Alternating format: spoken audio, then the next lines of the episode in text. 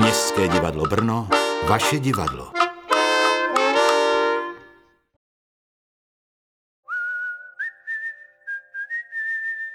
O brněnském kováři Mikešovi statečném.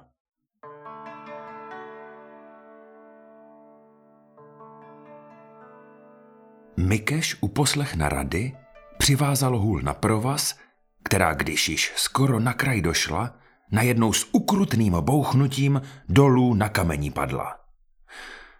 Mikeš viděl, že stará nelhala a že by si byl kosti rozdrtil, kdyby se byl dal od podvodných kamarádů nahoru vytáhnout.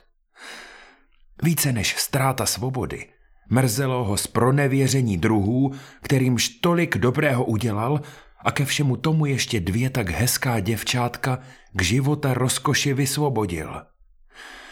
Jestli se k vám ještě jednou dostanu, vy falešníci, odměním se vám mincí, za níž by se ani sám ďábel nepoděkoval. Tak křikl a hroze pěstí nahoru zlosti své ulehčoval. Pak si ale vzpomněl na babu a z hurta se na ní obořil.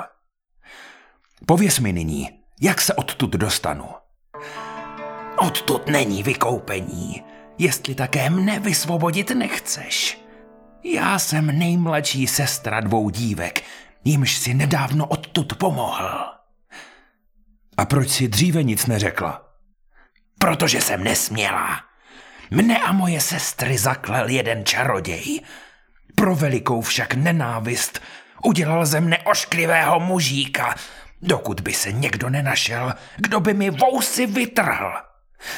Tomu pak, že mohu být nápomocna k vysvobození sester. Já zde ale musím zůstati v podobě staré baby, dokud by onen člověk draka, co tamhle spí, v moři neutopil. To by se bylo nikdy nevyplnilo, kdybys nyní náhodou zde zůstati nemusel. Smiluj se tedy nade mnou a vysvoboď také mne. Ale jak pak mohu takového draka v moři utopit? Já ti povím. Jdi do zámku. Tam najdeš blíže dveří sud masa. Ten si pověs na ramena. Vezmi hůl a svíčku do ruky, pak se schovej a čekej. Až drak vyleze, přitoč se k němu a skoč mu na hřbet. On se s tebou vznese do povětří a bude řvát – ty mu dej ze sudu kus masa, aby se utišil. A to dělej tak dlouho, až uhlídáš zdáli moře. Když budete již nad ním, řekni, že ti upadlo žrádlo dolů, vytáhni svíčku a říkej známá slova. Drak slítne dolů, ty ho udeř do hlavy, aby omráčen v moři se utopil. Jak zahyne, nabudu já z předešlé podoby a všecky poklady, co zde v zámku schovány jsou, budou moje. Neboť čaroděj již žádné moci ke mně míti nebude. Abys mne poznal, až se vrátíš, vezmi tento prsten. Přelom ho ve dvě půlky. Jednu nech u sebe a druhou dej mě. Jen kdo mi onu půlku přinese, tomu budu věřit. Nyní jdi a dělej, jak jsem ti řekla. Naši milí posluchači, zdravíme vás z Městského divadla Brno. V podání našeho milého kolegy Aleše Slaniny jste slyšeli úryvek z pohádky Neohrožený Mikeš, kterou napsala Božina Němcová a která se stala předlohou scénáře filmového zpracování i naší divadelní verze, kterou jsme pro vás uváděli v loňském létě na letní scéně Městského divadla Brno na Biskupském dvoře. A právě tato naše verze bude tématem dnešního podcastu, u kterého vás vítá Klárka Lacková a Igor Ondříček.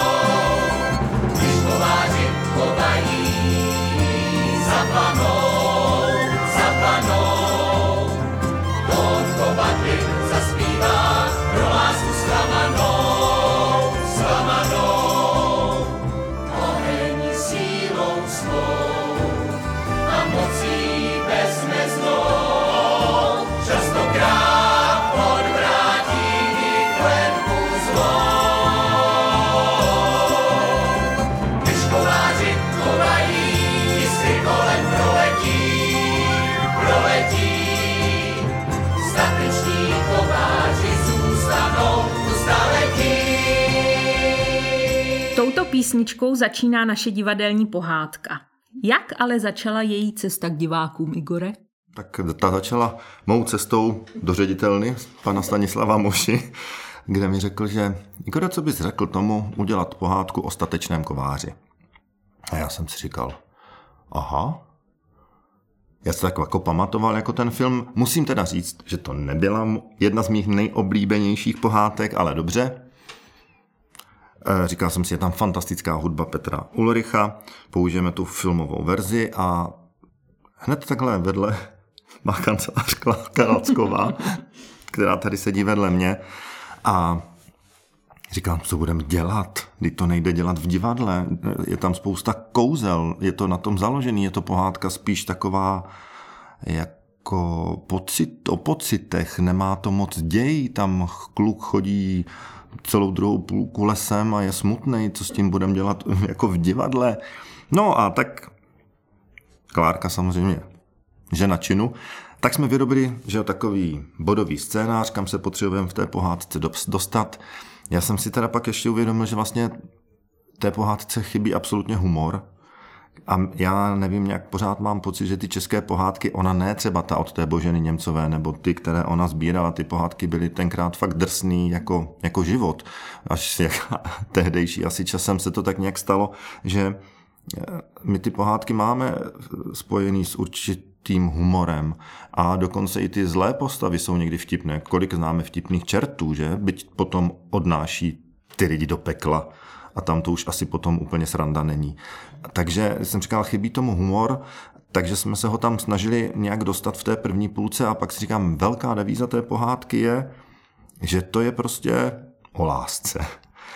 Že ten kluk se do někoho zamiluje a pro tu lásku je schopen obětovat i život – a to je vlastně nesmrtelný téma, ale všech nejenom pohádkových divadelních her, románů, filmů, že pro to, co je v životě nejvíc, je člověk schopen se i obětovat a když to dobře dopadne, jak to bývá v pohádkách, tak to dobře dopadne.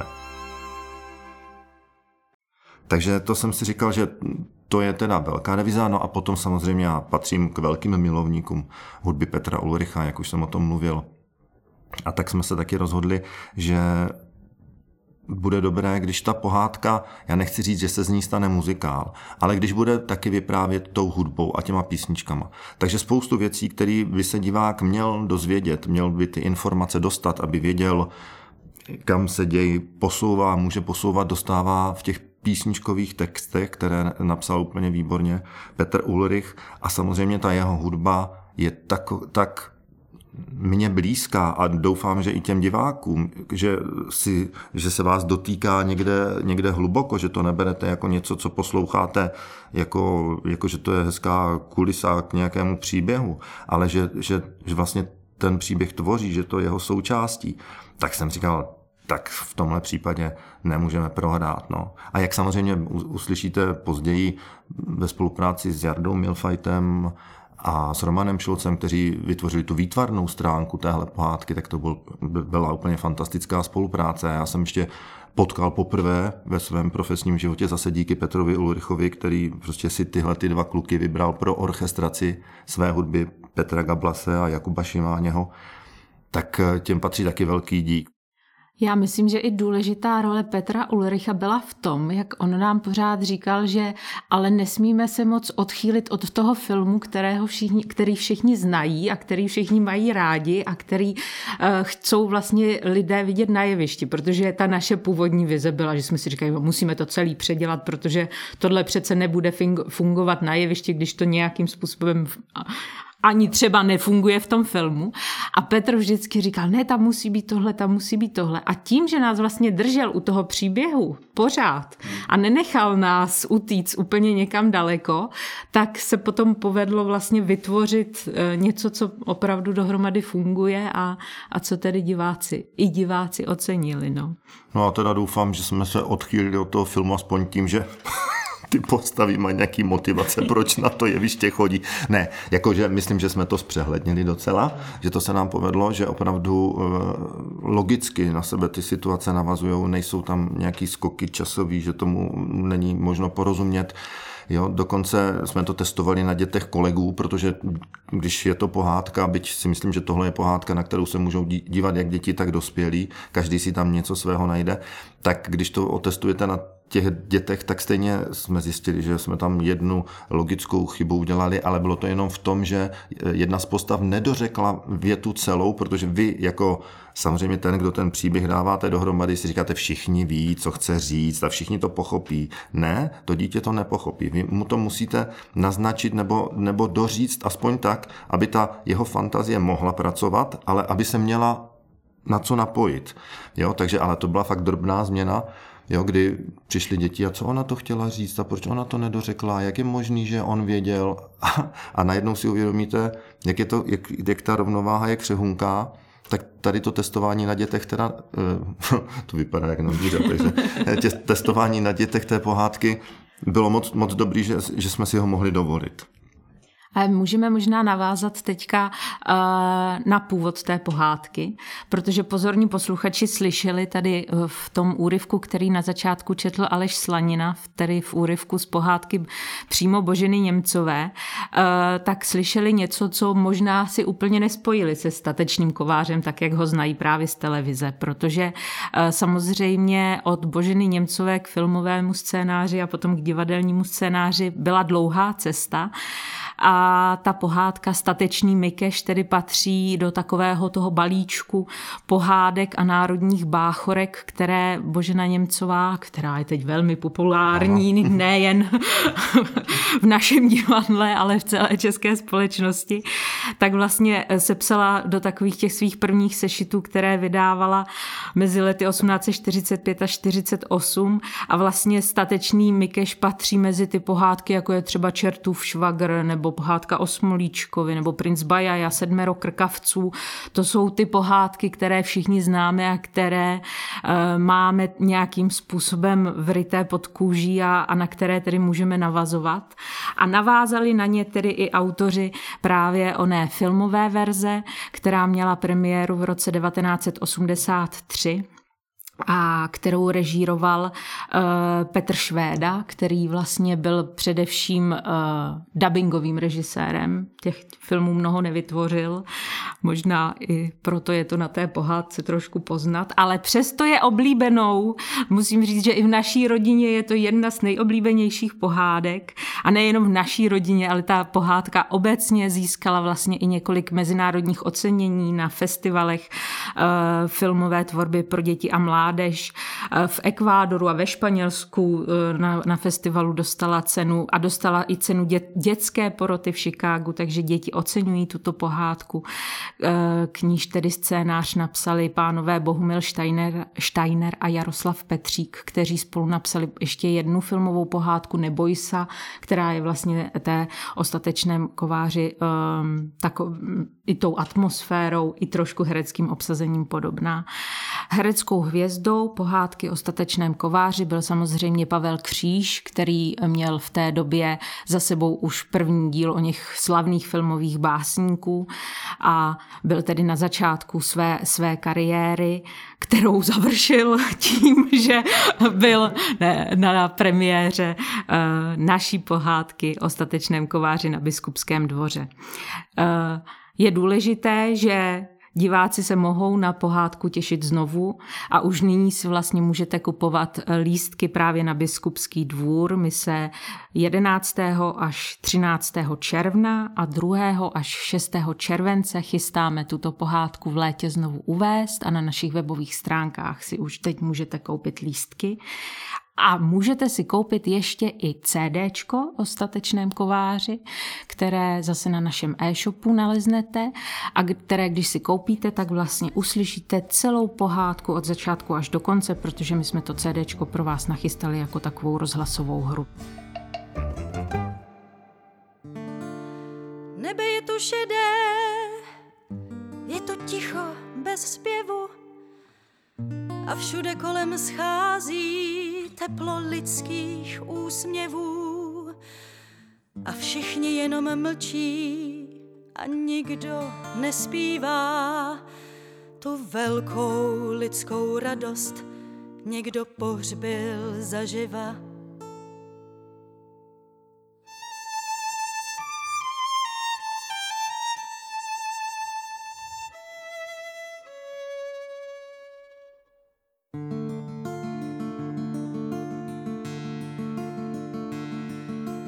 Zakázal nám zpívat náš kdysi moudrý král, když tři dívčí duše čisté mu černý osud vzal, smích navždycky už zmizel, co je život bez zpěvu? A nikdo nic nezmůže, nikdo nezná úlevu.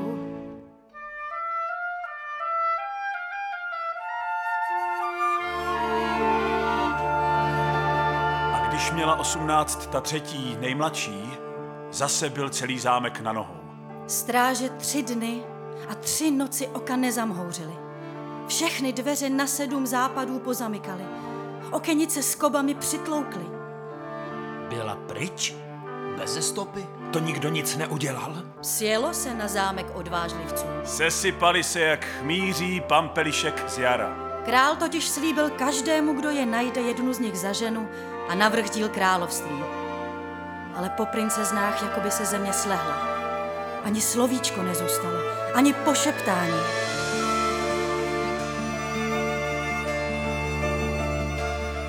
Všem zakázal nám zpívat náš kdysi moudrý král, když tři dívčí duše čisté mu černý osud vzal, smích navždycky už zmizel, co je život bez zpěvu. A nikdo nic nezmůže, nikdo nezná úlevu. Princezna. Víš, kováři, krásné byly všechny tři, ale ta nejmladší, ta byla nejkrásnější, jako bílá růže. A srdce, srdce měla laskavé.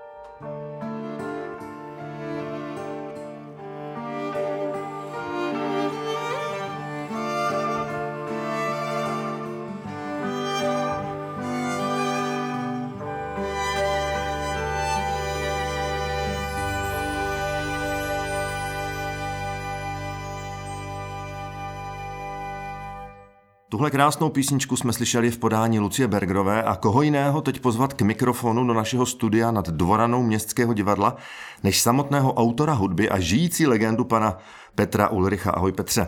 Ahoj, mi se líbí ta žijící legenda, nesouhlasím s tím. Proč? No, protože legenda, to je, to je ně, ono se to zneužívá, tady tohle. To. Já si myslím, že mm, žijící autor, nebo tak nějak bych to nazval. No já vím, že se to zneužívá. Ale říká se to, dobře, dobře. Ale já myslím, že v tvém případě je to úplně na místě. Já si taky myslím, že můžeme zůstat tak, u legendy. podvolují takže... se. tak a, ahoj Petře i ode mě tedy. A pojďme eh, se zastavit k upohádky o statečném kováři, která ovšem nebyla ani zdaleka tvou první prací pro městské divadlo. Jak jste tedy se Stanislavem Mošou se poznali a kde začala vaše spolupráce?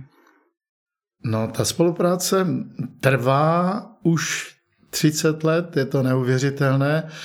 A za tu dobu já skutečně sleduju, co se v Městském divadle Brno všechno, všechno událo, jak se to vyvíjelo a e, tyhle ty vzpomínky jsou úžasné. Já si teda vzpomenu nejdřív na toho standu. To bylo před těmi 30 lety, jsme hráli jakýsi takový tenis, bylo to někde ve Strážku za Tišnovem. Oba dva jsme byli tehdy amatéři. Mezitím se vývoj ubíral tak, že ze standy se stal tenisový profesionál a já jsem zůstal u toho amatérství. Ale podstatné je, že už tehdy on za mnou přišel a e, říkal mě, já bych chtěl z téhle té scény z Městského divadla Brno udělat hudební divadlo.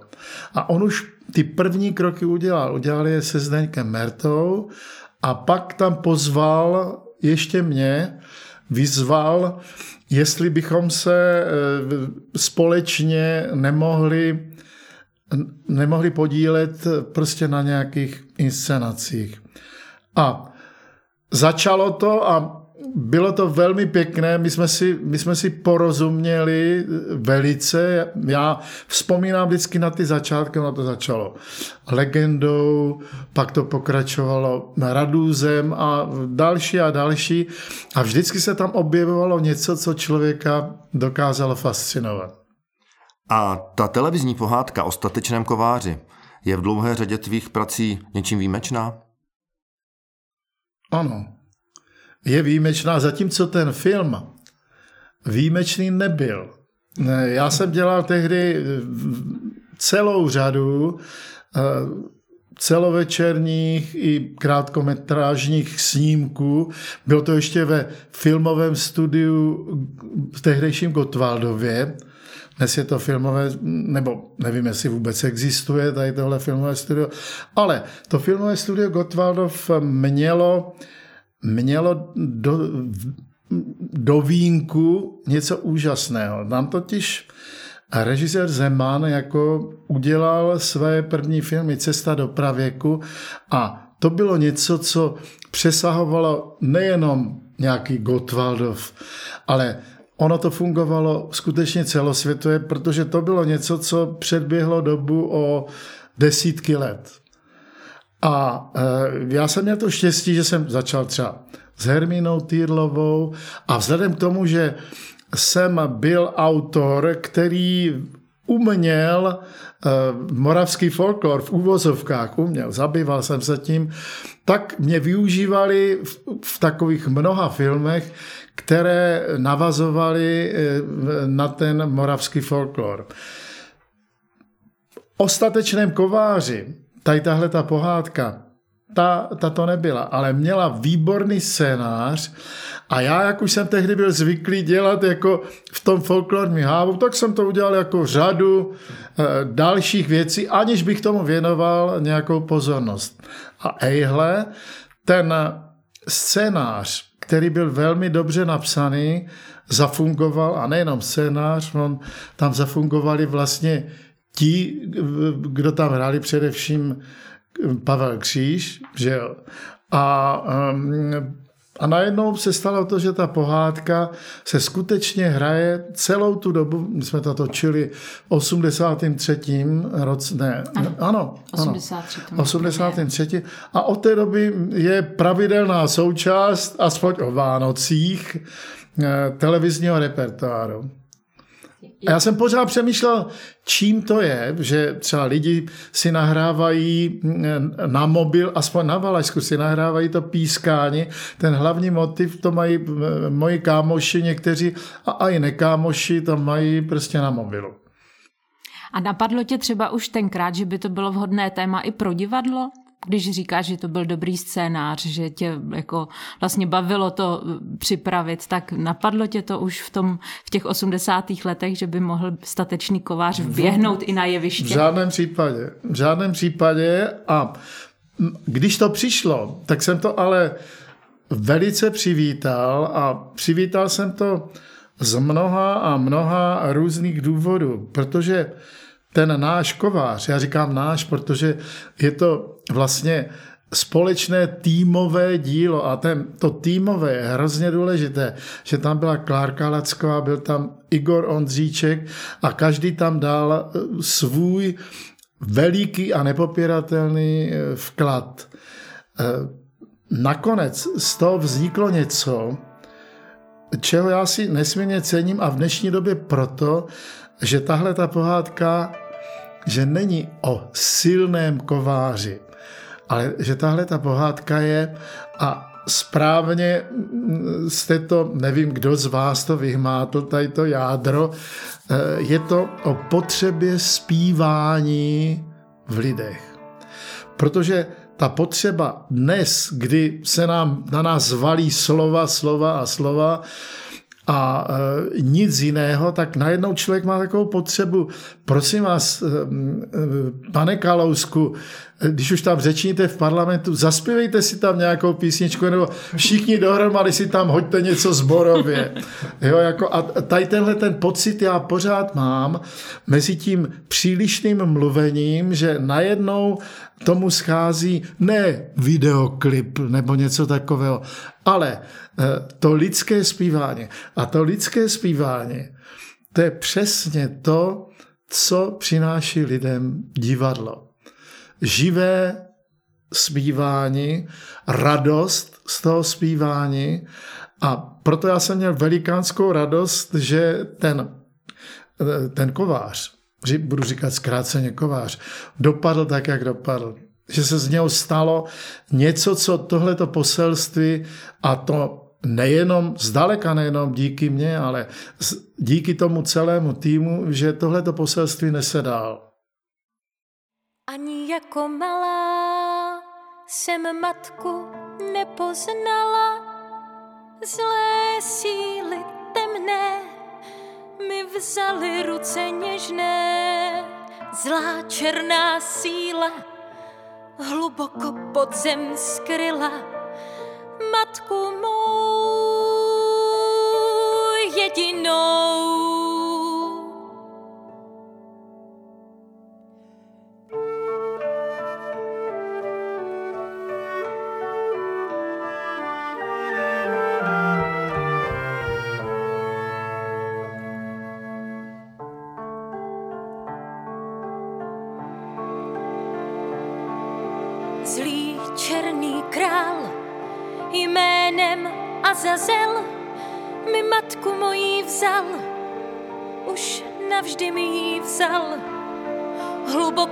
Zem skryl a už nikdy nevrátil matku mou jedinou.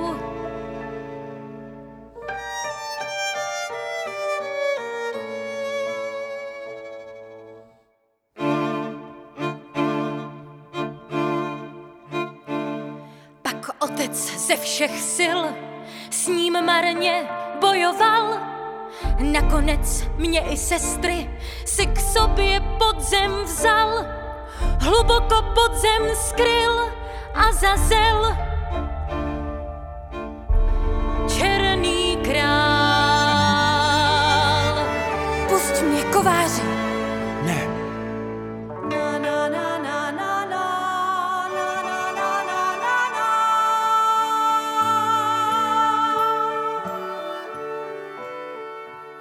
Já si vzpomínám, jak jsme za tebou s Klárkou přišli, abychom eh, a chtěli po tobě, aby z hudbu, která teda byla v tom filmu, že jo, která sloužila jako základ i pro to naše divadelní představení, přepsal a napsal, říkali jsme tenkrát pár dalších písniček, no ono jich bylo asi 17, které v tom filmu vůbec nejsou, my jsme se trošku báli, aby nás nevyhodil. tak jsem se chtěl zeptat, jako pro autora, když už je to jednou jako napsaný, je to hotový, je to už ta, jak říká Zdena Herfortová, eh, Vánočka je upečená, je to těžké se k tomu vracet znovu a, a hrábnout do, to, do, to, do, do, do té své práce a vlastně kompletně to celé předělat? Ze začátku to bylo, já jsem z toho měl takové smíšené pocity, abych, abych to tak charakterizoval. A najednou se stalo něco velmi zvláštního. Celá ta práce a ty písničky šly sami. Sami od sebe třeba z vašich podnětů některé, ale já jsem s tím absolutně neměl problém a to už jsem si pozor. Říkal chlapče, skončil, eh, dál už nebudeš tady se mordovat, psát nějaký noty nebo něco takového. A eh, ono, to, ono mě to najednou úžasně nakoplo a ještě ve spojení s tou dobou, já jsem to vlastně dodělával už, kdy už, když už fungoval jako covid, tak jsem si pořád uvědomoval, čím dál víc, co v těch pohádkách je vlastně skryto v tom archetypu těch pohádek, co je skryto za poselství. No já vlastně ještě se zeptám, ono, ono je zvláštní vlastně, když člověk, no zvláštní, nebo pro mě je to úplně normální, ale jako, jak ta hudba, kterou ty píšeš, jde do nějaké naší podstaty k nějakým kořenům, že začne hrát prostě cymbál, za, za tam udělá první akord a člověk se hned takhle jako vlastně jak, jako rozpustí, napojí se na ten tok té hudby. Čím to je? To kdybych věděl, tak, tak by to bylo úplně ideální, ale ano, já, já tuším, čím to je. Já, čím je člověk starší, tak tím víc je pokornější a já si myslím, že je to vlastně otázka toho světla, které my dostáváme. Že my ho předáváme nějakým způsobem těm, co to světlo potřebují. Jo, a já se vždycky tak nějak, když jdu do přírody, tak ne, že bych se třeba modlil, já, ale já věřím v Boha velice silně, nevěřím v církve, to nevěřím, ale já se modlím tímhle, tímhletím způsobem, protože jsem si vědom toho daru, který člověk dostává, ať už je to z poselství přírody, anebo poselství čehokoliv. My ho dostaneme, máme třeba nějaký talent, každý ho má nějak ten talent. E, já třeba mám talent být v nesprávném místě na nesprávný čas, mimo jiné. V nesprávný čas. Jo, ale eh, je potřeba to vnímat a nemusíme za to děkovat, ale ono nám to ukazuje směrem k tomu, buďte pokorní, vnímejte tahle ta poselství. No je to zvláštní, protože fakt je, že jak jsme psali toho kováře a my jsme s Klárkou udělali takový jako, jako scénář, kam se potřebujeme dopsat, je důležité taky připomenout, že Petr Ulrich napsal i texty k těm písničkám. A my jsme napsali, tady by bylo dobrý, kdyby byla písnička, ve které právě hospodská, kterou jsme před chvilkou slyšeli, bude zpívat o tom, co všechno se v té zemi stalo a jaký je tam smutek. No a my jsme přišli za dva dny a Petr měl napsanou píseň a že to vlastně takhle jako všechno zapadlo Jo, že to se někdy říká se tomu divadelní zázrak, že si ty lidi nějak rozumí, že se chápou a že to zapadlo, tak možná je to tím, že každý máme trošku toho světla a to světlo nás tak jako spojilo. To je asi důležitý, že se to podařilo, si myslím, tohleto. Já myslím, že v tom hrála roli i, i ta pokora a já jsem to cítil, že tam nebyl nikdo z toho týmu, kdo by dělal něco na sílu, kdo by říkal, bude to, bude to tak a tak a přesto nejede vlak a už máme Rým, že? Ty už si tedy zmiňoval to, že ta hudba k pohádce o statečném kováři navazuje na takovou tu folklorní tradici ve tvé tvorbě. Ale pojďme se ještě vrátit k těm dalším titulům, které vlastně uh, jsou spojené s tvým jménem a s Městským divadlem Brno. Ty jsi zmínil Legendu nebo Raduze a Mahulenu, byla tam ještě Markéta Lazarová. Máš ty sám pro sebe jenom uh, takový nějaký šuplíček, který se jmenuje Městské divadlo Brno a který víš, že otevřeš, když začínáš jakoby pracovat pro, pro divadlo? Je ta práce pro divadlo jiná než práce pro kapelu, než práce pro film? V čem? Já se přiznám, že když jsem v minulosti, ještě před, před eh, sametovou revoluci, pracoval pro divadla, tak mě to nebavilo. Mě bavil film, protože ten film byl profesionálně připraven, já jsem tam přišel, byl tam orchestr, eh, nemusel jsem se tam dohadovat eh, o, o něčem. A tohle jsem v divadle, kde v divadlech, taky jsem dělal eh, hudby scénické, vždycky postrádal. A najednou, jak přišel Standa, tak se tohle začalo měnit a v tom městském divadle bylo, eh, nechci, nechci říct nadneseně, profesionální prostředí, ale takové prostředí, které se vyvíjelo a k něčemu směro, směřovalo. Směřovalo konkrétně třeba k hudební scéně, směřovalo k tomu, co dnes eh, Městské divadlo obě scény produkují velmi zajímavým způsobem. A při té příležitosti bych rád zmínil, zmínil to, že často Brňáci skuhrají a nejenom Brňáci, ale regionální umělci skuhrají na takzvanou regionální bezmoc. Ona, ona ta regionální bezmoc eh, je to, je to hrozně nadnesené. Někdo říká, pro boha. Eh, to záleží na tom, jak to pojmete, co do toho vložíte a když do toho vložíte něco navíc, tak zmizí regionální bezmoc. Nicméně něco takového přece jenom existuje. O tom víme z toho důvodu, že voda, eh, voda neteče nikdy do kopce, ale vždycky z kopce. A je přirozené, že ti lidé, kteří jsou v centru, tak si přisvojují přirozeným způsobem určitá práva a trošku na to doplácejí ty regiony. To není ale případ Městského divadla Brno, protože ono z té regionální bezmoci se dokázalo podle mě dostat eh, do, do něčeho, co je vlastně unikát eh, nejenom evropského významu, ale skoro bych řekl, že i svět, světového významu, že něco podobného eh, nikde neexistuje. Ano, existují pražská divadla, které hrají slavné muzikály a tak dále, ale to, co udělalo Městské divadlo v regionu, tak to je prostě úžasná věc. A já se teda zeptám, když, jak prožíváš premiéry? Jako, víš, jako, že si tam jako autor sedneš, jasně, že asi posluchačům můžeme říct, že i autor chodí na zkoušky se dívat, aby věděl, co mu ten inscenační tým s tou jeho hudbou provede.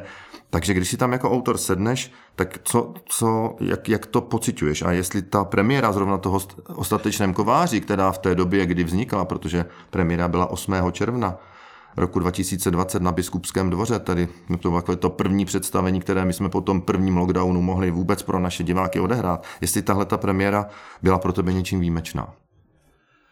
Já jsem přesně ten typ, který není na takové oslavování, není, není na takové slavnostní příležitosti, není na to, že se eh, něco křtí. Eh, člověk si ťuká pro mě. Eh, premiéra už byla dávno předtím, když se, když se to všechno rodilo a když jsem vlastně sledoval, jak to ještě jak to ještě nefungovalo na biskupáku a jak, tam, jak se tam řešili, řešili eh, třeba zvukové věci a spousta dalších věcí. Nicméně eh, z té premiéry mm, a k tomu, jak se to vyvíjelo k té premiéře, protože ono se to, ta premiéra to je jenom takový, taková zastávka, protože to, to, to hlavní, ten vývoj nastává teprve až potom. Ale já si vzpomínám, že eh, tu premiéru jsem prožíval tak, já, já mám problém s tím se eh, dostat nahoru, že mám eh, dva kyčelní klouby, dostat nahoru, tak vždycky mám prostě problém z toho, že tam budu pajrat a že ty lidi si, si řeknou, kdo ví co. A pro mě bylo nejhezčí, a to vám řeknu upřímně, když mám konkrétně něco vypíchnout, tak to byla scéna. Scéna Jady Milfajta, že když jsem najednou pochopil, jak ten člověk, eh, člen týmu, to úžasně udělal. Jo, jako jak, jak je to domyšlené a jak to, to asi nebylo jenom, ale vy jste to měli asi vymyšlené. Já jsem vždycky přemýšlel pro boha, jak se tam udělá nějaké podzemí, jak se to udělá na biskupáku, kde, kde jsou naprosto omezené možnosti. A najednou tam zafungovala a, a nebojím se říct, jako e, geniální zkratka. No ale taková ta prostota, že když se jde k té, v té hudbě, k těm kořenům a v té scénografii a v tom ten příběh je taky čistý a prostý, tak a vlastně všechno si myslím, když to takhle jde společně ke zdárnému cíli, a ta jednoduchost si myslím, že tomu strašně pomohla taky. Jednoduchost a pokora. Ta, ta z toho představení, eh, představení Číši a Číši z něho taky, jak se vyvíjí, tak jsem si všiml, že najednou eh, to je tam takový závan upřímnosti a lidskosti a radosti. Radost, radost je strašně důležitá. ta je ve spojení s tou pokorou, on, když řeknu pokora, někdo si představí, že se někdo plazí před nějakým mocným v prachu u jeho nohou a jak říká Bulat Okudžava nebo zpívá a líto mi je, že stejně jak dřív, tak i dnes bůžkům se klaníme a hlavami bijem o tvrdou zem. A o tomhle ale pokora není. Pokora je o tom, že vnímám všechny věci, že si jich všimnu a že potlačím třeba svoje ambice na úkor, na úkor eh, něčeho. Tak my ti moc krát děkujeme za rozhovor, za to, že jsi za námi přišel a teď už je čas poslechnout si další z tvých písniček.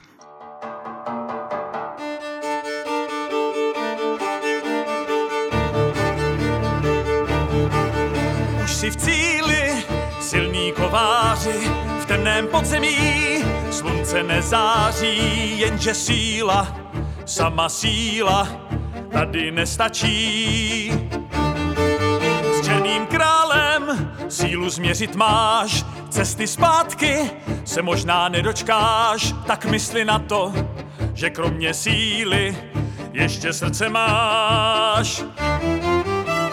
Srdce máš. Jsi u cíle, Mikši. V podzemních hlubinách je sídlo černého krále. Jsi důvěřivý kováři, ale tady s lidskou sílou nevystačíš kdyby si měl třikrát víc. Sílu zlé moci tímhle plamínkem oslepíš. Dál už si musíš poradit sám. Moje kouzelná moc není nekonečná. Stačí, když řekneš, Os Flamengo plapole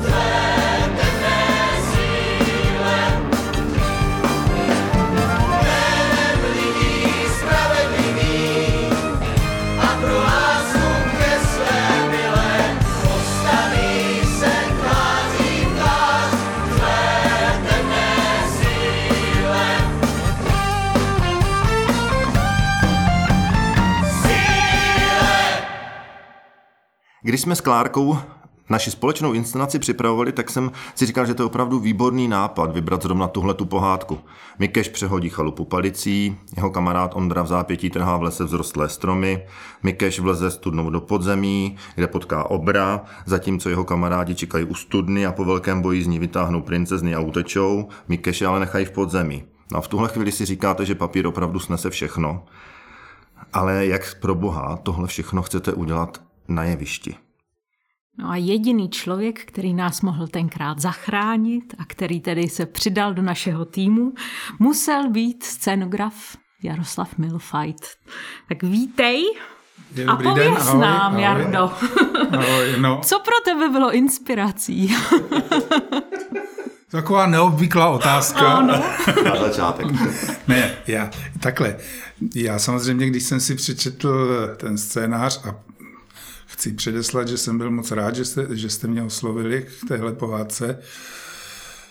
Tak když jsem si přečetl ten scénář, tak přesně to, co říkal Igor, tak jsem si jako všechno začal uvědomovat a říkám, no to je teda moc pěkný úkol, ale protože my jako původně vystudovaní loutkářští scénografové eh, si s těmahle věcma jsme si museli vždycky poradit a vlastně mm, už v prvním semestru mě můj profesor Václav Kábert na divadelní fakultě vykládal prostě, že, že se budu muset s těmahle věcma vyrovnávat a začal nás to učit v takové mikulanské vinárně, tak jsem si říkal, že to zase nějak dopadne a že, že se s tím snad nějak poperu.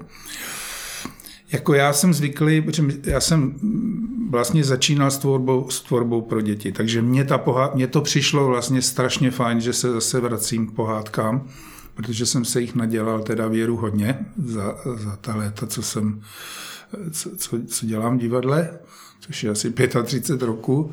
A já jsem tím, že jsem s těma pohádkama začínal a e, hlavně na loutkovém jevišti, tak e, tehdy jsem si v té, na začátku té tvorby uvědomoval jednu věc, že my jsme takový malí páni bozy, kteří vytváříme ten svět od začátku až do konce, že my vlastně jak jsme si dělali ty loutky, tak jsme je museli posadit do nějakého jejich světa, kterým budou, eh, který jim bude vyhovovat. A ono vlastně eh, tahle ta pohádka vlastně eh, zase nechtěla nic jiného. Tím nechci říct, že by tady herci byli jako loutky, ale svým způsobem jsou to jasně, jasně dané figury, že jo, zlí a dobří jsou tam, že jo, většinou tady v téhle pohádce ti dobří. A já jsem si vlastně říkal, musím ten svět pro ně vytvořit tak, aby přesně splnil to, co všechno měl v tom scénáři a nebylo toho málo. A potom vlastně si ten svět pojmenovat. A tady prostě přišel ten spásný nápad, víte, to pohádka, která se odehrává a možná tak někdy mohla i vzniknout, nebo ta inspirace k té pohádce mohla vzniknout s tím, že někde seděl večer v kovárně prostě starý kovář a vykládal svým vnoučatům pohádku a dívali se do té výhně a teď vlastně, co ten kovář znal? Znal jenom ten svůj svět, to kladivo, to železo, ten oheň. A říkám, no to je krásný, pojďme, pojďme udělat tu scénu, tu výpravu takovou, jako kdyby si ji ti kováři sami ukuli. A vlastně tak vznikla ta stylizace jednotlivých kulis, že to jsou vlastně takové oko, okované okované kulisy, které, eh, pro, pro který mě byla inspirace eh, vrata z, eh, vrata z kostela svatého Jana Nepomuckého na Zelený hoře, které jsou kovaný a a brána a, a dole v zámku a tam, kde já jsem prožil svoje dětství ve Žďáře, proto na to vzpomínám a tam jsem se vlastně poprvé setkal tady s tímhletím způsobem toho kování a vlastně to jsem použil potom v té scéně. No a ty ostatní věci jako kouzla, eh, letící, letící, letící palice a, a a kůň na scéně a tak, no tak to jsem si vypomohl, říkám, s těmi loutkářskými fóry, eh, se kterými jsem si musel pomáhat eh, ve svých začátcích. Mm, to prostředí biskupského dvora, to, je, to pro tebe bylo spíš jako inspirující nebo naopak omezující? Já vlastně nevím, protože já jsem dělal vlastně na biskupský dvůr téměř všechny inscenace, které se tam dělaly, téměř všechny, ne všechny, ale Takže už eh, si s já, ním já prostě, rady. já jsem takhle, já si s ním, myslím si, že už eh, si s ním vím rady, Potom mě tam neustále inspiruje ta moje scénografie toho, toho kostela, který se nám vždycky každý rok podaří krásně postavit jako za tou scénou. A to mě prostě baví to k tomu kostelu jako vymýšlet všechny ty věci. A e, takže e, tím, že jsme tam dělali opravdu rostodivné kusy, tak jsem si říkal, že to taky musíme zvládnout. Navíc teda je fakt, že jsem ještě tuhle pohádku dělal s tím, aby byla přenositelná jaksi do divadla k nám na hudební scénu. A tak nějak to všechno je pro mě vždycky, to je ten úkol toho scenografa, všechny vzít v potaz, všechny ty o, ta omezení a někdy i přednosti a umět to skloubit a, a zpracovat to tak, že z toho vyjde tady tenhle ten tvar, který tady e, myslím si, že, že docela fungoval a že nefungoval jenom pro děti, ale i, i pro dospělí, že, že to zahrnulo jakoby takový, to, že to bylo to rodinný představení. Tak Jarušku, my ti moc krát děkujeme, že jsi s náma strávil chvilku s našimi posluchači. Budeme se těšit na další spolupráci, až, nám, až nás nechají něco dělat. Těším se. Jaké by to ale bylo povídání o kováři bez kováře a tím naším divadelním byl Aleš Slanina. Ahoj kamarádi, moc vás všechny zdravím a zdravím především milovníky pohádek a to divadelních pohádek. Jsem moc rád, že jsem si tuto roli kováře Mikše mohl zahrát a už se nemůžu dočkat, až se s vámi naživo na biskupském dvoře opět setkám a vy se na tuto naši krásnou pohádku budete moct podívat. Takže zatím ahoj a moc se na vás těšíme. Nemlčet, ale zpívat, svobodným lidem sluší, všem umlčeným duším, zasvrátit zpěvu dar. Neplakat, ale smát se, s tím najít správné cesty a všem tak vrátit štěstí, co unes černý král. Nevědovat nad nocí a třeba malou svíčku rozsvítit a píseň zprvu tichá po celém kraji bude znít. Nebědovat nad nocí a třeba malou svíčku rozsvítit a píseň zprvu tichá po celém kraji bude znít. Milí posluchači, program našeho dnešního podcastu se naplnil. Jsme moc rádi, že jste si nás poslechli a můžeme s vámi zůstat v kontaktu aspoň touto formou. Dnes si s vámi povídali Petr Ulrich, Jaroslav Milfajt. Pohádku četl a pozdravil vás Aleš Slanina. Průvodci dnešním podcastem byli Igor Ondříček a Klárka Lacková. Zvukovou režii měl Vojta Hájek. A Petře, je něco, na co jsme se tě měli ještě zeptat, co bys nám rád řekl? Ano. Tak eh, v tom případě povídej. já, jsem si tady, já jsem si tady připravil takový tahák a sice e, pro mě je obrovský zážitek sledovat 30 let zpívání v Městském divadle Brno. Jak se to vyvíjelo. Jak začínala Alenka Antalová, Petra Jungmanová, ale třeba Roman Vojtek, Tomáš Kočko, Igor Ondříček, Stano Slovák, který tam přišel do Radůze, ještě co by jakýsi hokejista bývalý z Bratislavy, Markéta Sedláčková, eh, Petr Gazdík, jak se, jak se to vyvíjelo z těch světoznámých muzikálů. A jsem hrozně rád, že se to vyvíjelo k takovému to, co, to, co člověk cítí i z těch super komerčních muzikálů, že tady je něco, co je úžasné a to je ten závan lidskosti, upřímnosti a radosti. A tohle já bych městskému divadlu jako člověk, který s ním žije 30 let, popřál do budoucnosti.